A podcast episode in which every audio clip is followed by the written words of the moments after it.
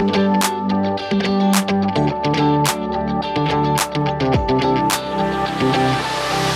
är jag som är Tesse, Och det är jag som är Amanda. och du hör på Bröllopssnack.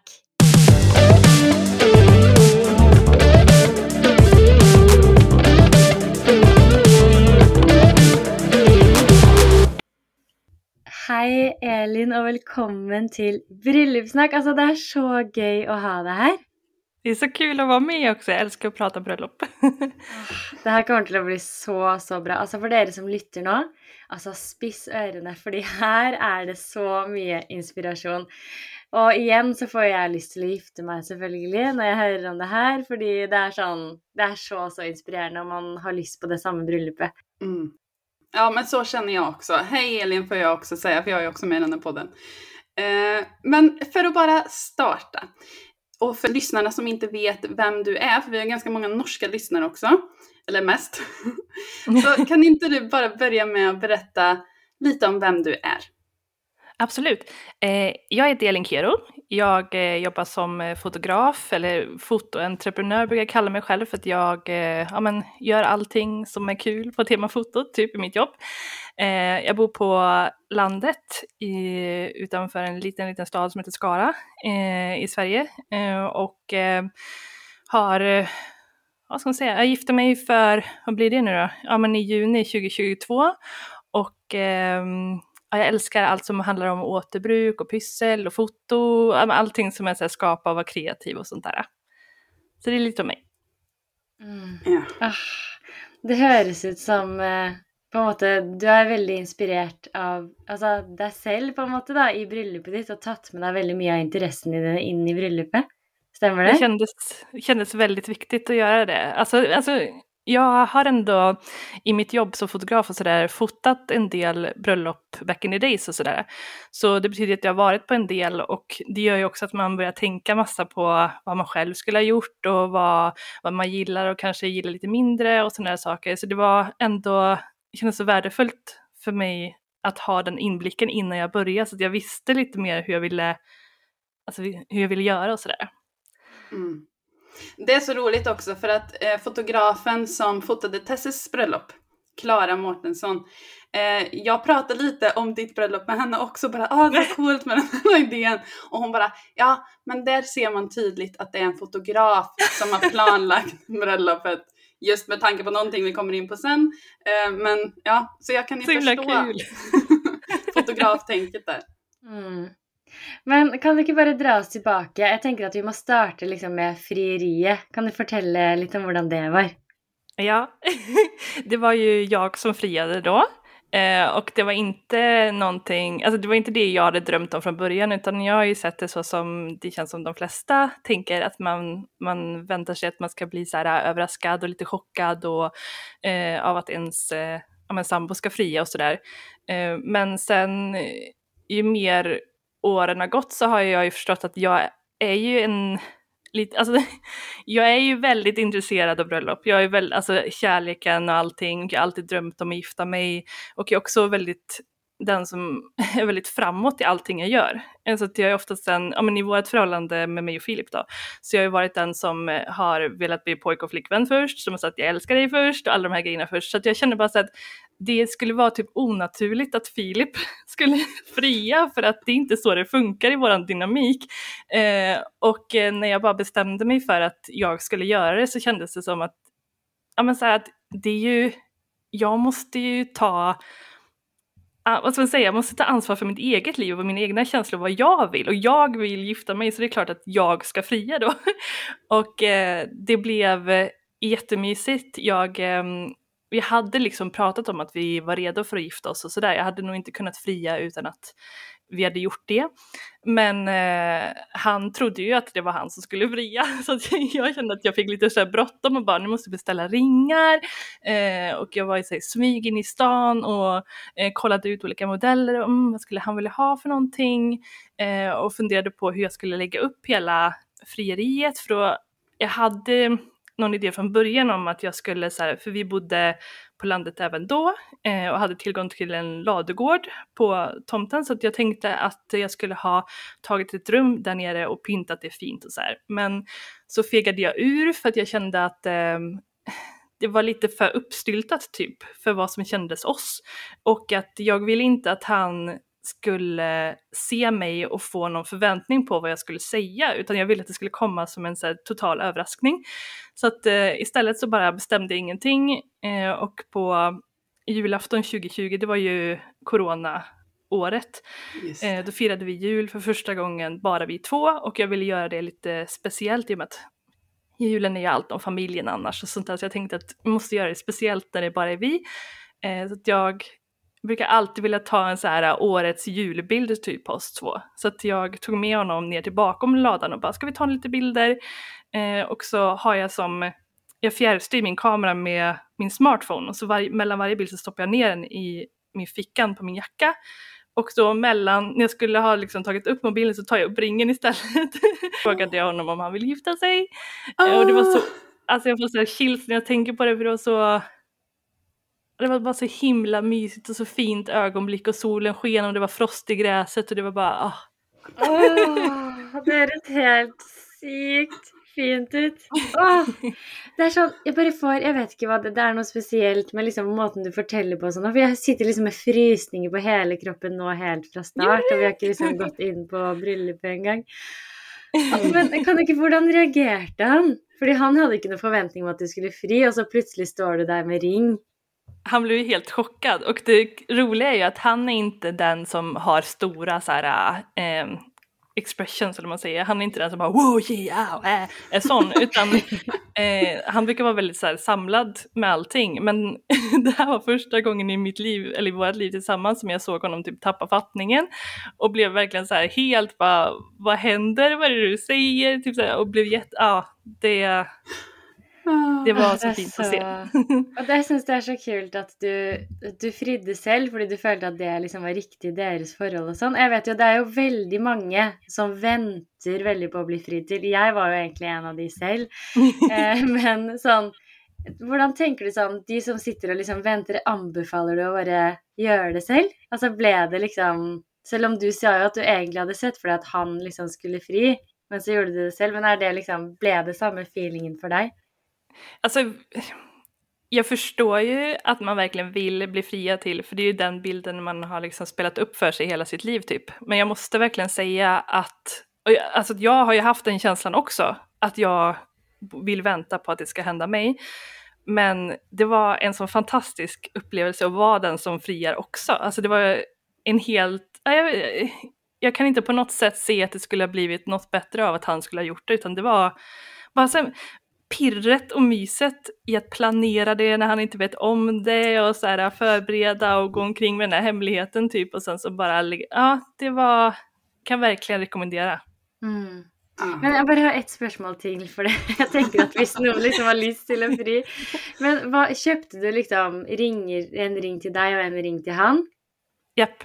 Ja, så det var så, så... Jag, jag visste ju inte vad han hade för storlek. Eh, så det var jag ju jätteorolig över. Jag, jag hade tänkt att jag skulle för, på något sätt försöka få reda på det men jag kände att han skulle fatta. Mm. Så att det slutade med att jag köpte en ring som var, jag visste var lite för stor och sen så gick vi och förminskade den efter. Men han behöll samma ring och han gillade stilen som jag hade valt och sådär så det var ju bra. Ja, ah, så bra. ja, mer frierier där kvinnan eh, vågar också då kan vi ju säga med. direkt. Mm. Men sen Elin så började planläggningen och här är det mycket att dyka ner i. Men för att ta några av de stora bitarna först så kan inte du bara berätta lite om hur ni tänkte kring själva visionen, lokation och gästantal? Um, um, ja, jag måste spola tillbaka. Nej, men, um, jag har liksom återigen så drömt om mitt bröllop hela mitt liv och hela den visionen har ändrats så många gånger under livets gång. Och så därifrån att jag liksom som 20-åring ville ha det så stort och pampigt och typ så här eh, jättemånga gäster och jättemycket dekorationer och bla bla bla till att ja men det känns ju som det är också tiden som har påverkat en, inte bara ålder men alltså att man vill gå mindre och det här med corona och allting, att man inte vågar eh, bjuda fler. Men det kändes också så himla rätt att så här, nej men vi har liksom inte så stort umgänge liksom naturligt eh, och vi gillar att ha det så så det känns så himla, himla dumt att bara bjuda en massa folk på sitt bröllop när man aldrig liksom vanligtvis brukar umgås med massa folk. Så att eh, vi till exempel de som på julen, apropå julen, eh, bara firar med den närmsta familjen, alltså eh, mamma, pappa och syskon. Eh, och då blir det också, alltså den utformningen på bröllopet kändes det ju naturligt då att mamma, pappa, syskon och kompisar. Eh, så vi blev eh, 25 personer, vilket jag tyckte var också i och med det här jag har fotat bröllop förut och man har ju hört folk prata om bröllop tidigare och jag vet eh, också som gäst och sånt att det är så himla svårt att hinna prata med brudparet på bröllopet. Och att eh, jag försöker så undersöka typ hur många kan man vara innan man känner att man börjar tappa fattningen om, alltså har vi, uh, har vi sagt någonting till varandra under bröllopet liksom? Eh, och jag kände väl att under 30 skulle vara optimalt för att hinna umgås och verkligen, för det är många av våra vänner som vi inte har sett liksom på jättelänge som kommer från olika liksom, tider i livet och som, ja men sådär att man vill ju inte bara säga hej då och sen hej då och så åker de tillbaka till ja, men, andra sidan landet och sådär. Så 25 eller under 30 kändes eh, som det självklara för oss när vi började bestämma och sen så rent om man tänker på visionen och sånt där så vill jag bara att det skulle vara Ja men alltså, jag vet med mig liksom för att jag är också en sån som har så höga förhoppningar på min födelsedag och sånt där, att det ska vara så speciell dag bla bla bla. Och jag vet att man aldrig hinner med någonting. Alltså så här, jag, ja. Kul att det inte var jag. Nej, men så här, man hinner aldrig med någonting och eh, det blir så stressigt bara när man försöker så här, få in så mycket som möjligt. Så att jag försökte tänka på det och så här, försöka göra den här dagen till en, istället för att det ska hända en massa och att det ska vara eh, jätteaktiv och flytta runt och sådana grejer, att det ska kännas som den perfekta avslappnade sommardagen liksom. För de absolut bästa dagarna som jag vet är egentligen när man inte gör så himla mycket. Man bara vaknar på morgonen och det är fint väder man har på sig någon fin så här, sommarklänning och det är en liten brisar i luften och ens närmaste vänner, man äter god mat och dricker god dricka och skrattar och liksom kanske badar, jag vet inte, men har det bra. Eh, så den feelingen vill jag ha på bröllopet också.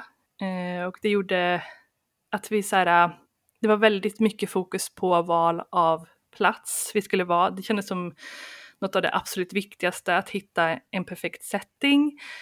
Um, och att jag hade, jag ville att det skulle vara liksom på landet och att det skulle vara lite så här intimt, ett lite mindre ställe. För jag tänkte också att om det är typ ett, en herrgård eller ett slott, att det skulle kännas för stort i och med att vi skulle vara så få personer. Och jag ville att det skulle kännas ändå lite ja, men intimt liksom. Och att ville att det skulle vara vid vattnet. Mm. Eh, och det lyckades vi få då tack vare att eh, jag hade ingen koll på det stället som vi var på. Vi hamnade till slut på ett eh, pensionat som också ligger utanför, alltså egentligen bara några minuter från där jag bor just nu. Eh, jag hade ingen aning om att det fanns. Eh, men min eh, mamma har jobbat som brevbärare, jag vet inte vad det heter på norska. Postbud? Eller? Ja, postbud. Mm. Ja. jobbat som det. och har massa koll på så här, hemliga ställen, när man ska säga runt i krokarna. Så hon bara, alltså jag har ett ställe som jag tror att du skulle gilla Elin. Och så åkte vi förbi där och jag blev bara så här kär vid första ögonkastet. Oh, det är helt fantastiskt. Jag måste bara säga en ting. Fordi, ja, det, det, er en ting som vi får veldig veldig mye spørsmål om, er jo typ sånn Å, eh, hvilke leker skal vi ha i bryllupet? Hvilket opplegg skal vi ha? Hva burde vi gjøre for at gjestene ikke kjeder seg? Og jeg bare tenker sånn til alle dere som tenker det nå, bare bruk Elin sitt bryllup som inspirasjon, fordi det er jo akkurat sånn som du sier. Altså, de beste dagene man har, er jo egentlig når man tar på seg en fin kjole, man ikke har så mye planer, og bare la liksom dagen gå og bare henge med de beste menneskene man vet. Så det er sånn Ja, ikke stress med at det skal være så mye opplegg. Bare Altså, når man gjør en sånn dag, så koser folk seg uansett. Så det er sånn Det är så fint att höra. Alltså, mm. för vi hade ändå sådär att vi hade några reservgrejer som man skulle kunna ha, alltså lite som man kan göra om man vill, typ så spela um, av en kubb eller boll eller dart eller liksom sådana grejer. Men det var ju inget som, alltså det var ingen som hann med det. Alltså det blev Nej. inget sånt. Det samme, Vi hadde faktisk akkurat det samme. at vi hadde det, Men det var ingen som gjorde det, fordi folk bare koser seg og henger og prater. og ja, altså Det er så Exakt. fint å høre. Mm. Ja, verkligen. Ja, jag håller också med. Och just det där tror jag att det blir ännu lättare när man faktiskt är färre gäster också. För då blir det mer den här intima känslan. Då måste man kanske inte roa dem som har svårt och på något sätt eh, ja, men samtala eller ja, det blir bara en annan stämning. Mm. Exakt. Mm. Eh, och jag kan ju också passa på att säga att vi hade en liten annorlunda grej också med inbjudning, alltså vilka vi bjöd in. Det är Ja. ju vanligt att man bjuder in plus en, alltså med respektive. Eh, och vi kände att då kommer vi skena iväg i antal gäster som kommer. Så att vi, eh, det kändes lite så här läskigt innan för det var liksom som, kan man göra så här? Men vi bjöd bara in, alltså en person, alltså vi bjöd bara in de som vi umgicks med. Och eh, det blev ju liksom en och en så här, men det var många som så här, kände varandra, till exempel så bjöd jag in klasskompisar som de hade ju hängt tillsammans när vi pluggade och sådär. Så att de, även fast de inte hade respektive med sig så kunde de ju hänga tillsammans. Så att man tänkte lite mer på det att de personer som inte kände någon på bröllopet fick ta med sig någon. Men de som kände andra fick komma ensamma typ. Och det tyckte Mm. jag också bidrog typ till att det inte blev så himla, jag vet inte, man hade så mycket att prata om. Alltså alla hade så mycket att prata med varandra och man gömde sig inte bakom sin partner utan det blev och jag, jag menar, jag är ju alltså så här, introvert och lite så här, tycker det är jobbigt i sociala situationer själv så att jag vill ju absolut inte att det skulle bli så för mina gäster men jag tror att alltså bara grejen att det fanns folk där som de kände att det bidrog och att det ändå blev bättre som sagt utan partner faktiskt. Mm. Det tror jag också det ligger mycket i. Det vet man ju lite själv att man kan nästan bli mer tillbakahållen Mm. eh, om man har med sig sin partner. För då, då blir det på något sätt att man går och håller ihop fast man Mm. kanske inte nödvändigtvis eh, behöver. Exakt. Nei, det blir veldig sånn. Og jeg tenker også med det, da, er at eh, hvis man har med seg partneren sin i en setting hvor den personen ikke kjenner noen, så blir man Exakt. veldig sånn at man må ta ansvar for at den også har det bra, istedenfor å bare gå og mingle med de som man har lyst til å mingle med, og bare liksom tenke litt på seg selv, da. Så blir man heller sånn at man passer på bare 'Går det bra med deg?' og liksom har du Og så blir det liksom ikke den samme stemningen. Så det er, det er faktisk veldig, veldig sant eh, och väldigt bra att göra det på den måten där. det var faktiskt, det blev, det var ju som sagt en oro innan, framförallt också hur man ska formulera det utan att någon tar illa upp. Eller jag vet inte, alltså det var en oro som fanns i mitt huvud som var helt obefogad egentligen. Men, eh, men också att se det, alltså när det alltså, var på bröllopet och inse att det var en bra idé, det kändes bara, ja det kändes skönt liksom. Ja. Ja, så våga och bjuda utan plus ett också. Det är också sånt som vi ofta diskuterar och frå- folk frågar om hur de ska göra och om man är rädd för att, eh, ja men att folk ska missuppfatta eller bli arga och sådär. Mm, det er sant. Men altså, vi må gå videre, for vi har så sykt mye å snakke om. Men altså, sånn som vi snakket om innledningsvis, så er jo du også en veldig sånn kreativ person, og i bryllupet så gjorde du jo veldig, veldig mye selv. Eh, og blant annet da, altså, brudekjolen. Altså, du sydde den selv. Altså, det her må du bare fortelle oss litt om prosessen og hvorfor du valgte å gjøre det. Ja, men också, det är också någonting som jag får chills av, jag vet inte. Frieriet och klänningen.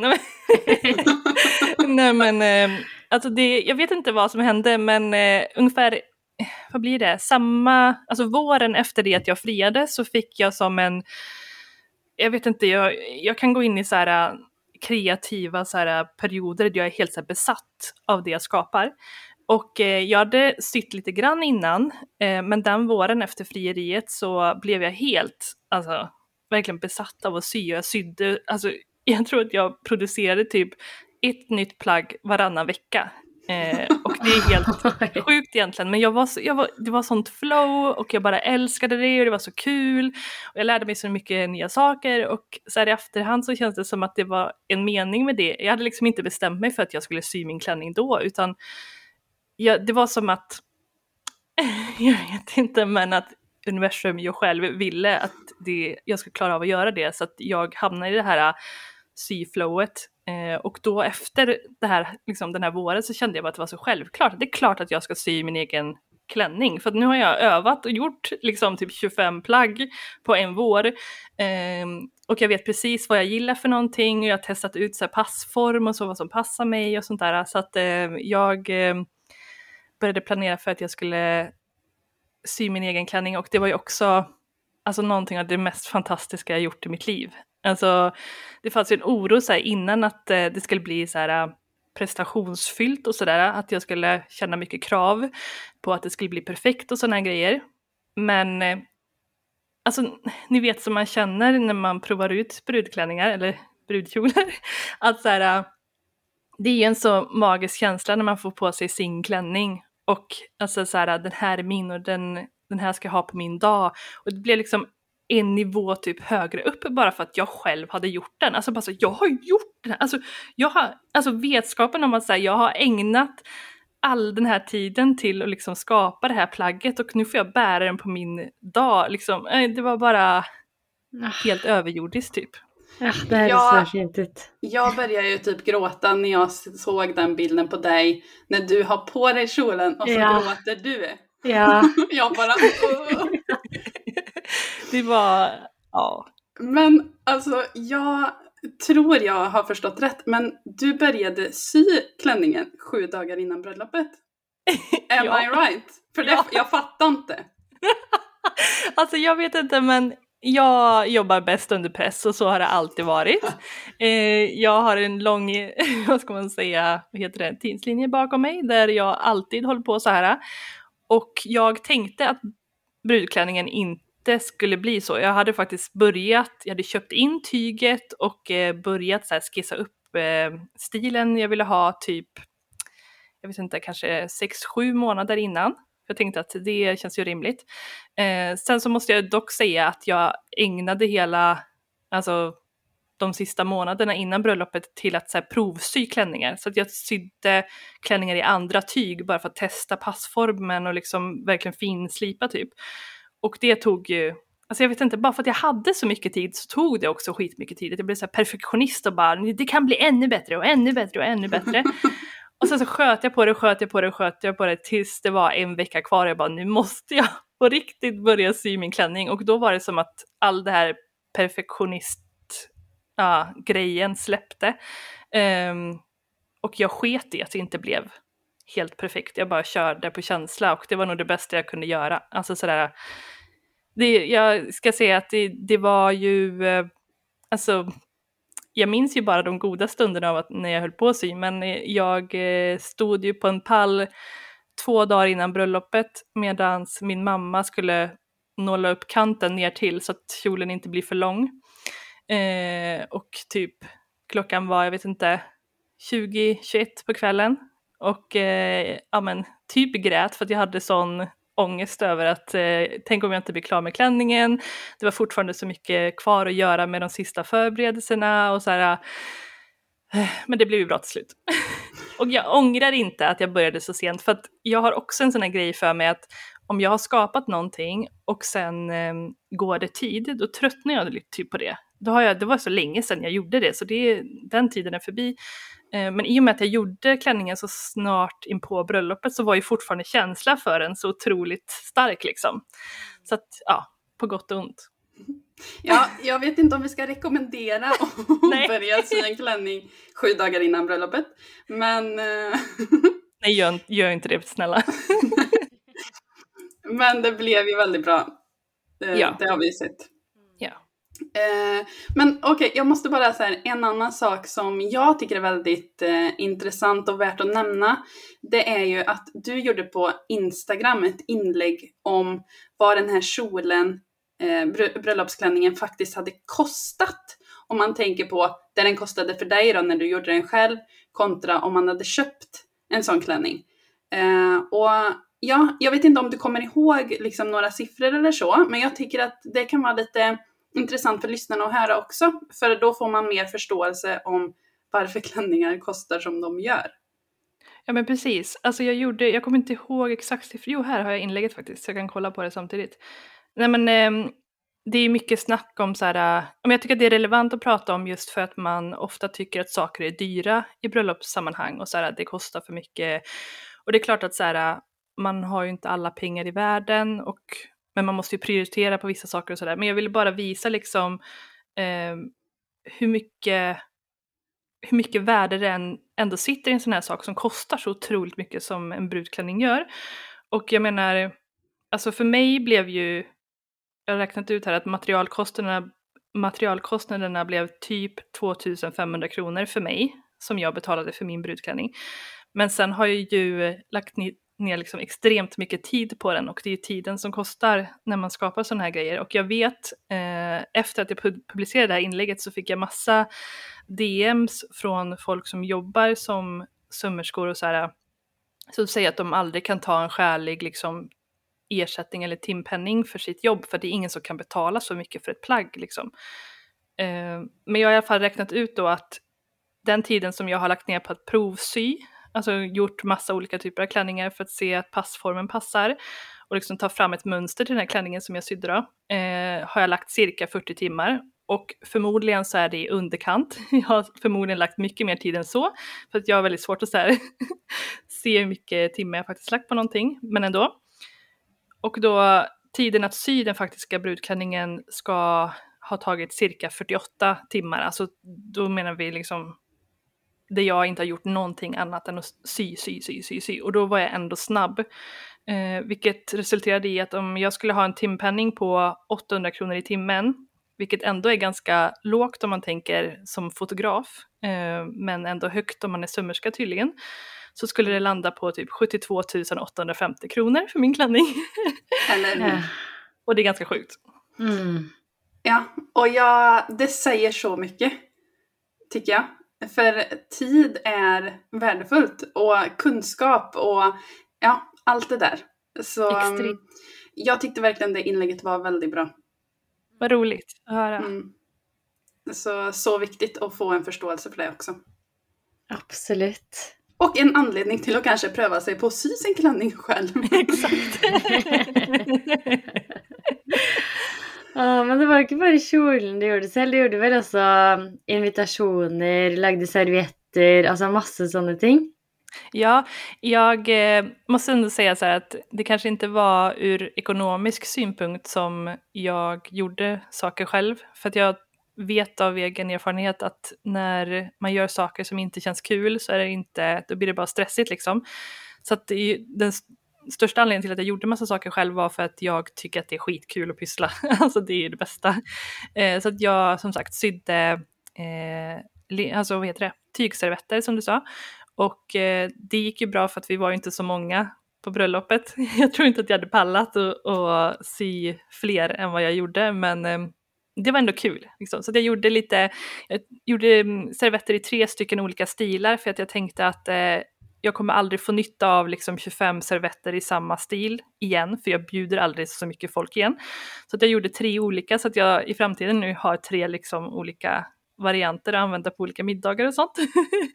och det blev också så lite lekfullt typ i dukningen att allt inte var samma och det bidrog lite till det här att jag inte ville ha en så himla, eh, vad ska man säga, glamorös eh, look på bröllopet utan att jag ville att det skulle kännas lite mer somrigt, vardagligt, lite mer enkelt typ. Så då, jag tyckte att servett, olika servetter liksom bidrog till det. Eh, och sen så jag gjorde inbjudningarna som du sa också. Och det var ju också för att jag älskar, ja men jag jobbar ju med foto, jag skriver ut mycket, jag säljer eh, ja men artprints online. Så att jag håller på mycket med utskrifter och sånt. Så att jag älskar ju så här papper, fina papper och sånt där. Så att jag eh, tyckte det skulle vara kul att bara så här, och det var också en sån här grej, apropå, jag sa ju precis att jag hade fått en sån här äh, symani typ och bara sytt som en galning vilket resulterade i att det blev en brudklänning. Och det var samma sak med inbjudningskorten att jag fick en sån här illustrationsmani precis innan att jag skulle rita massa och jag hade inte ritat på hur många år som helst. Och jag skulle bara rita och rita och rita och till slut så ritade jag alla illustrationer i min, min egna inbjudningskort också. Och så slutade jag rita efter. Så att, jag tror det var meningen att det skulle bli att jag ritade för att jag ville göra min, jag vet inte det blev något skumt där, men det var härligt. det var nog någon mening med det. Jag tror det. Eh, men nu, jag hoppar lite i frågorna här, för jag, jag tycker att när du säger detta om eh, ehm, att ni hade olika servetter och sånt. Vi vet ju att återbruk också är en stor och viktig grej för dig och att du köpte mycket av dekorationerna begagnat. Ja. Ehm, så kan du inte berätta lite mer om det också? Ja, alltså återbruk det är ju någonting som har vuxit och blivit alltså, jättenära mig i hjärtat. Jag tycker att det är både jättekul och jätteviktigt och eh, inspirerande och det är så här utmanande och allting. Så eh, jag kände också direkt när vi började planera bröllopet att jag ville fixa min dukning med och dekoration med återbrukat material och sånt där. Och det var ju också kanske för att få ännu mer eh, möjlighet att gå på loppis och vara ute och, och kika. Det är ju som det bästa jag vet. Och också någonting som jag gjorde för att jag tycker att det är kul. Alltså nu tycker jag kanske, om man inte tycker att det är kul att vara ute och gå på second hand och sånt där så är det ju det bästa man kan göra att boka ett ställe som redan har alla saker så man inte behöver fixa någonting själv. Och eh, det stället som vi bokade hade egentligen en hel del saker, vilket som tur var var i samma stil som jag var ute efter. Så att jag behövde bara second hand-fynda liksom vissa grejer som jag kanske ville justera. Så till exempel så hade hon, jag tyckte inte, alltså hon hade väldigt vanliga så här eh, bestick som var, ja men typ Ikea-bestick. Och eh, tallrikar som inte var i samma färg tema som vi skulle ha. Så att jag eh, fokuserade väldigt starkt på att jag behövde hitta bestick.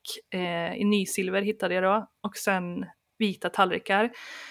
Och så också glasen tyckte jag, alltså för man ska ju ha flera glas till förrätt och varmrätt och efterrätt och sådär. Och då jättefina så här varmrättsglas hade hon men jag tyckte att förrätten var också lite så Ikea-style. Och jag ville att det skulle kännas lite mer, ja men, ja men gammeldags elegant typ. Eh, så det letade jag också väldigt mycket eh, på loppis. Och jag Mm. blev, jag fick som en allt det här, den här podden handlar om att jag blir besatt av grejer, men jag blir besatt av glas också. nu har vitrinskåpet fullt här hemma och väntar bara på att bjuda hem folk typ. Um, ja, men det är ju, alltså jag känner ju, det är ju väldigt populärt med loppis och sånt i Sverige. Jag och Tesse, vi har väl aldrig varit på en loppis tror jag. Men jag känner ju att man gärna skulle vilja så gå och titta någonstans. Men jag tycker det är lite svårt, typ vart man ska börja. Men det- Har du någon, några tips typ? För, så här, om folk känner nu att vi vill loppa lite till bröllopet eller vi vill bara börja komma in i den världen och tänka mer som återbruk. Jag måste ju för sig bara, att jag, för jag har hört att det är, finns inte alls så mycket ställen i Norge. Alltså, Nej, jag tror inte det alltså. Det är, Och det är så mycket mer konstigt. populärt i Sverige. Ja, det borde komma, alltså det borde spridas vidare för det är ju som sagt bäst.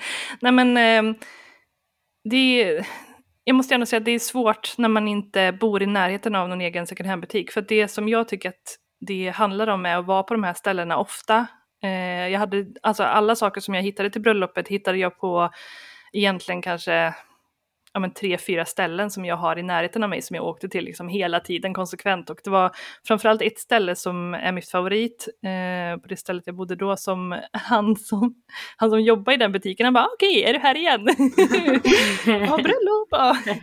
Nej men så att eh, det bästa är egentligen om man kan, jag vet inte om man kan åka, om man känner någon i Sverige kan åka hit och vara här, jag vet inte, men alltså vara konsekvent och åka till samma ställe och kolla flera gånger för det kommer alltid in nya saker. Ehm, tycker jag är det bästa tipset. Ja, för jag kan se för mig att Det är ofta så att man går på ett loppemarked eller en bruktbutik eller sånt og så går man en gang, så er det sånn Nei, det var ikke noe. Og så går man aldri tilbake igjen. Men det som man glemmer kanskje, er jo at det er jo ikke som en vanlig butikk, for her kommer det jo nye ting. Altså det kan jo rett etter at du gikk ut, så kan det jo på en måte ha kommet noe nytt som var Exakt. noe virkelig i din stil. Da. Så veldig bra tips, faktisk. Å bare kanskje finne seg to-tre butikker, og så gå innom ofte, da. Ja, alltså för jag kan säga det att jag har ju som sagt mina favoriter som jag går till och i vissa dagar så hittar jag absolut ingenting. Alltså ingenting av intresse, man har sett allting. Och sen så kan man gå dit liksom fyra dagar senare och så bara hittar jag hur mycket som helst. Bara går där med Ikea-kassa och känner sig som världens shopaholic typ. Ja. Eh, så det kan ju verkligen ändras. Ja, men det är lite stressande också. Jag känner direkt så här att ja, då är det inte konstigt att man kan bli besatt av en sån sak för att man tänker jag får inte missa Mm. de Exakt. bästa fynden. Ja, det Det är är sant. Litt farligt. Ja. Obsessed. Men eh, jeg bare tenker at vi er nødt til å gå videre til noe annet også, som vi har veldig lyst til å, at vi skal prate masse om. Eh, og det er jo at dere gjorde jo et veldig utradisjonelt valg til vielsen, blant annet. Eh, Ja. Og kan ikke du bare dra oss litt sånn kjapt gjennom opplegget og tankene rundt det, og så liksom hovedfokus på å prate litt om vielsen, fordi det hørtes så fint ut. Ja, nej men eh, vi bestämde oss för att vi skulle ha vigseln efter middagen. Så att vi började med, alltså efter, direkt efter att vi hade gjort oss i ordning så hade vi som en välkomstskål eh, på gårdsplanen framför huset. Och så hade vi som, ja men minglet liksom först. Eh, och gick omkring och pratade med alla och eh, sen som övergick det till middag och direkt efter middagen så var det vigsel. Eh, och efter vigsel hade vi fotografering och sen var det, och under tiden som fotograferingen var så hade vi fika och sånt för gästerna. Och sen var det fest. Eh, och anledningen till att vi körde så var för, återigen det här med att jag har fotat bröllop tidigare, eh, så har jag tänkt många gånger när jag varit på bröllop att det är så många personer som kommer på bröllop som brudparet inte har sett på jättelänge. Eh, och man har inte pratat kanske på månader eller år till och med. Och det blir så, eller jag kände att det skulle kännas jobbigt för mig i och med det här sociala. Att jag kan känna att det är jobbigt med att folk tittar på mig, att jag ska vara i fokus och allt det här. Att det skulle kännas konstigt att det första som folk ser av mig är när jag liksom är med om det alltså, största ögonblicket i livet och vi ska bara tysta, gå ner och det är liksom pirrigt och jag vet ju att jag kommer vara förmodligen gråtfärdig och jättenervös och hela den här grejen. Att jag då ska se alla de här personerna som jag inte har sett på hur länge som helst. Man vill ju bara säga hej! Och liksom hur är det? Och hur mår ni? Och alla, alla de här grejerna. Och eh, därför kändes det jätteviktigt att jag, alltså det första som vi ser av dem är att ja, men vi får ett mingel där vi får prata. Och sen kan vi ta vigseln och då ska det kännas, eller jag tänkte att det skulle kännas mer avslappnat då för då har vi liksom betat av det här med att vi har hälsat på alla och sagt hej. Och jag kan bara fokusera på ja, men det som faktiskt händer, att vi ska säga ja och sådär. Så Mm. då, och i och med att jag ändå skulle kasta om så kände jag också som fotograf att man vill ju ha det bästa ljuset på vigseln. Ja. då tänkte jag ändå att då skjuter vi det liksom ganska långt sent på kvällen. Jag tror att vi hade det vid 19.00 blev det. Um, så då hade vi, hann vi ju ha middagen och sånt innan också. Um, och det blev också asbra, tycker jag. Ja, det Altså, høres, jeg syns det høres så fint ut. Og det er sånn Det her er noe jeg virkelig ville vurdert om jeg skulle giftet meg på nytt. Mm. Ja, Fordi det, altså, det høres så sykt koselig ut. Men kan jeg bare spørre om én ting der? Fordi hvordan var det du og Philip så hverandre første gang? Var det også på den minglingen, eller hva, hvordan var Det det? var, vi hade en first look. Ja. Och jag hörde ju att ni sa att, det, att ni rekommenderar en first look Mm. ett avsnitt. Vi är Eh, förkämpar. Ja. Jag tyckte också verkligen det var också fantastiskt att bara, för då har man, för vi sov, vi sov tillsammans på natten innan och natten efter bröllopet för att vi känner att eh, vi känner mest trygghet hos varandra och när man Mm. är så nervös som man är så känns det så skönt att bara ha varandra i det. Men sen så spenderade vi massor av timmar på förmiddagen av att inte vara tillsammans. Jag satt ju jättelänge och fixade mig och sånt där och han var på sitt. Så det blev ju ändå som att det tog ganska lång tid innan vi fick se varandra igen och då var det så himla mysigt och skönt att bara träffas på first look och liksom äh, släppa det här nerverna och nerv- nervositeten och bara kramas och sen gå ut. För direkt efter vi hade haft first look på baksidan så gick vi igenom huset och ut på framsidan där alla gäster väntade då. Mm. Ja. Så då gjorde ni ändå en gemensam entré till minglet. Det gjorde vi. Mm. Vi Ja, hade ju funderingar på vi hade Ja. lite funderingar också på typ att man skulle ha åkt iväg och haft fotografering och sen, sen kommit i en bil där till, till välkomstminglet till alla gästerna. Men vi kände också där att eh, ja men där att vi vill inte vara i spotlight. Så att det, det enklast möjliga att bara gå ut blir det bästa typ. Det hørtes så fint ut. Altså, jeg elsket det opplegget her. Jeg. Først liksom en first look, og så mingling, og så var det middag, og så vielse, og så fest. Vad roligt Ja, jag känner också det. Jag känner också det. Jag hade velat gjort så. Alltså gud vad härligt. Hvorfor få er det bara... ikke flere som gjør det? Alltså Ja. det kändes som att när vi bestämde det, för då, då kändes det som någonting man typ inte kunde göra. Alltså det kändes nästan lite fel, bara, fast det är inte så man gör. Men eh, när vi väl hade bestämt oss så kändes det så självklart också. Så Mm. nu i efterhand så blir det bara, varför, det är klart att vi gjorde det. Men jag förstår vet- ändå att, ja. Du vet Elin, du kommer bli största trendsättaren här nu. För jag tror, jag tror att det här, kommer, det här kommer bli någonting som man kommer se mycket mer av. Jag Alltså jag hoppas för alla. Alltså för det var, det var fint. Kan jeg bare til alle, dere hørte det her først. Nei da. Helhetsidé dock. ja, ja. Men det betyr at vi blir de beste gjestene. Exakt. Ah, Men okej, det- vi brukar också alltid fråga om topp tre prioriteringar. Hade ni några sådana? Både i förhållande till budget men också liksom helheten av bröllopet. Ja, alltså det var, vi hade ju inte sådär, vi är inte sådana planeringspersoner att vi eh, gör jättetydliga Excel-ark och sånt. Men vi hade absolut pratat om det. Eh, och jag skulle säga att för Filip var det väldigt mycket gästerna och maten och det att alla ska ha det trevligt. Och för mig var det eh, fotograf, fotograf och filmare ihop skulle jag säga. Vi hade både foto och film. Platsen vi var på och min bröllopsklänning. Mm. Ja, ja men det, det, det känns som det är ganska typiskt sånt. Brudklänning eh, ofta hos eh, eh, damerna och eh, alltså mat och fest så hos killarna. Mm. Exakt. Men hvis du skal nevne liksom tre ting som du var mest fornøyd med i bryllupet Då måste jag nog säga nummer ett, min brudklänning. För att vara lite ego. Nej men, eh, sen var det också alltså stället vi var på. Alltså jag kände bara att det gjorde så himla mycket för hela atmosfären och eh, för känslan till bröllopet och också att eh, en viktig sak som jag tycker med när man planerar sitt bröllop att man väljer, vad säger man, alltså folk som man jobbar med. Heter det något speciellt? Eh, kollegor.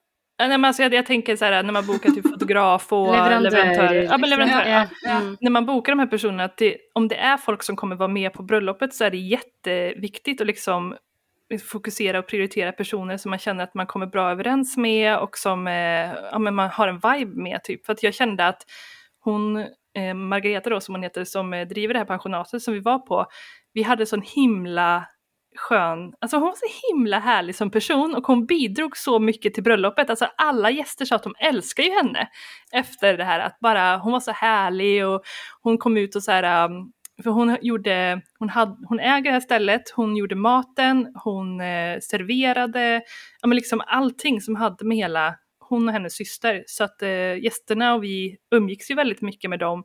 Och eh, hon hade så här välkomsttal och eh, alltså det var ju som, jag vet inte men det, när, när vi lämnade bröllopet dagen efter så var det ju liksom lite tårmilt där för det kändes som att vi hade kommit så nära varandra och hon kändes som en extra mamma typ för mig. Eh, och sådär att hon, ja men det var bara så himla fint att såhär, också när vi bokade, vi bokade liveband, eh, också två superhärliga personer, Kitty och Simon heter de. Eh, som eh, har, det är liksom en duo, de är ett par, eh, heter Lovestruck och eh, också så här som jag träffat förut eh, i sammanhang och de har också spelat på en väns bröllop och jag tycker jättemycket om dem. Och det var också så här, alla gästerna bara, alltså Kitty och Simon, vilka så här härliga personligheter och sådär. Att det gjorde så himla mycket, alla människor som var närvarande och vår, vår fotograf och vår filmare. Det var bara, man ska inte underskatta hur mycket de gör för ens dag och så här, deras personligheter. Så därför känns det som att det är så många som bara bokar baserat på pris och inte, tänk liksom att man kommer spendera så otroligt mycket tid med de här personerna så det, ja. Ja, det er så Jeg elsker det tipset. Virkelig. Ja, och så är det väldigt personligt också. Det är ju en Mm. väldigt personlig dag som du vill inte helt att någon du inte har en bra vibe med ska vara där och ta del på något sätt nästan. Nei. Exakt. Mm. Vad pratade jag om? Jag pratade om Jeg beste var, mest, mest fornøyd med brudekjolen og leverandøren, altså stedet, da. Ja, Var det de to? Og så en siste ting. och sista tingen är absolut alltså fotograferna. Mm. Alltså, får jag säga musikerna också? Ja, de är typ, jag måste typ säga fyra då. Alltså det, klänningen, stället, fotograferna och musikerna. Alltså det var, det absolut bästa. Mm. Eh, och du nämnde lite av det förut, men så här, färgpalett, det hade varit kul att bara så här, om du kunde beskriva stilen ni gick för. För nu, folk har säkert fått sig massa idéer om hur det här kan tänkas se ut, men om du skulle beskriva din och Philips stil, eh, ja, vad är det då? Ehm, jag har försökt sätta ord på det här förut och jag tycker att det är så svårt, men liksom avslappnat är ju känslan, men jag gillar ändå när det är jag gillar ändå typ duka och sådana här grejer så att jag satsade väldigt mycket på så här äldre saker. Alltså jag tänker eh, början av 1900-talet, eh, bestick och glas och sådana här saker. Och eh, också vissa dekoration blandat med lite så här lantligt med ja men typ ja men träföremål och sånt där och blommor då. Um, och så hade vi blått som främsta färg. Uh, men blått, beige, um, blandade metaller hade vi också till det. Skulle Men- du säga att cottagecore hade kunnat passa? För Ja, det har vi pratat mycket om eh, Mm. i podden också. Men säga sån, jag vet inte Cottagecore om du vill kalla det det. Det är blandat med gammalt skulle jag säga. Mm, Alltså jag vet inte, Mm. ja. väldigt fint. Mm. Det er veldig, veldig fint. Men hvis du kan nevne tre ting du hadde klart Tre ting du hadde klart deg uten og ikke lagt så mye fokus på i forkant, hva hadde det vært? Då är nog, alltså det första, det, jag planerade, jag la inte mycket tid på planeringen och det var kanske det som var problemet, men jag kände 100% efteråt, eller direkt när vi var på första dansen så kände jag vi skulle inte ha haft en första dans. Alltså det var, om det var någonting som jag absolut ångrar med mitt bröllop så var det att vi hade den första dansen för varken jag eller Filip dansar. Vi tyck, eller liksom, det är inte våran grej riktigt. Eh, och det kändes som, återigen det här eh, att det blev så mycket fokus på oss. Eh, hela tiden. Vi hade liksom, i och med att det inte var viktigt och jag, vi hade haft så himla mycket i planeringen innan så hade vi inte hunnit planera någon koreografi eller sådär. Så eh, det blev liksom bara att vi stod där och, hur ska man säga, körde en mellanstadietryckare och jag höll fast Filip så jäkla hårt så här, så att jag hade typ så här ett låst grepp på hans armar så han kunde inte göra någonting för jag var ju så nervös så att jag bara höll, jag brukar typ hålla om honom så. Jag har liksom inte tänkt på att jag håller fast. Alltså han har sina armar nedanför mot min midja och jag har över. You, you are mine now. Exakt. så han bara står där och försöker så här, äh, ja, men han vill ju göra någonting i det här ögonblicket och kunde inte göra någonting för jag höll fast han och jag var så nervös så att jag tänkte inte, jag bara så här, och sen så hade vi eh, lite misskommunikation med, med bandet då så att jag hade önskat att det skulle vara typ så här 15 sekunder, alltså 10-15 sekunder långsamt och sen så skulle det bli liksom dunk, dunk, dunk fest. Eh, men de körde liksom en hel låt så. Så jag vill ju bara så glida ur min kropp typ. Men ganska kul i efterhand också. Ja, nei, det er morsomt. Okej, men det är massa fler saker vi skulle kunna prata om. Ehm, ni hade sociala medier-förbud till exempel. Du valde att ha inga förlovare. Eh, och jag tänker, ni snackisar måste gå in och läsa mer om detta på Elins blogg. Mm. elinkero.se. Eh, och så kan ni också gå in och kolla på hennes eh, Instagram. Och där heter ju du Nevnarin, är det så man uttalar det? Nevinarien. Nevnarien! Åh Ja. gud, jag har sagt fel hela tiden. Men det är inte så lätt. Det har ju varit vi. svåraste. Ja, det är allmänt känt att jag har problem med att uttala saker eh, här i podden också, känns det som. det var kul. Ja. Okej, Nevnarien på Mm. Instagram. Men innan vi avslutar helt så brukar vi alltid köra med våra gäster en this or that. Mm. Är du redo Elin? Ja.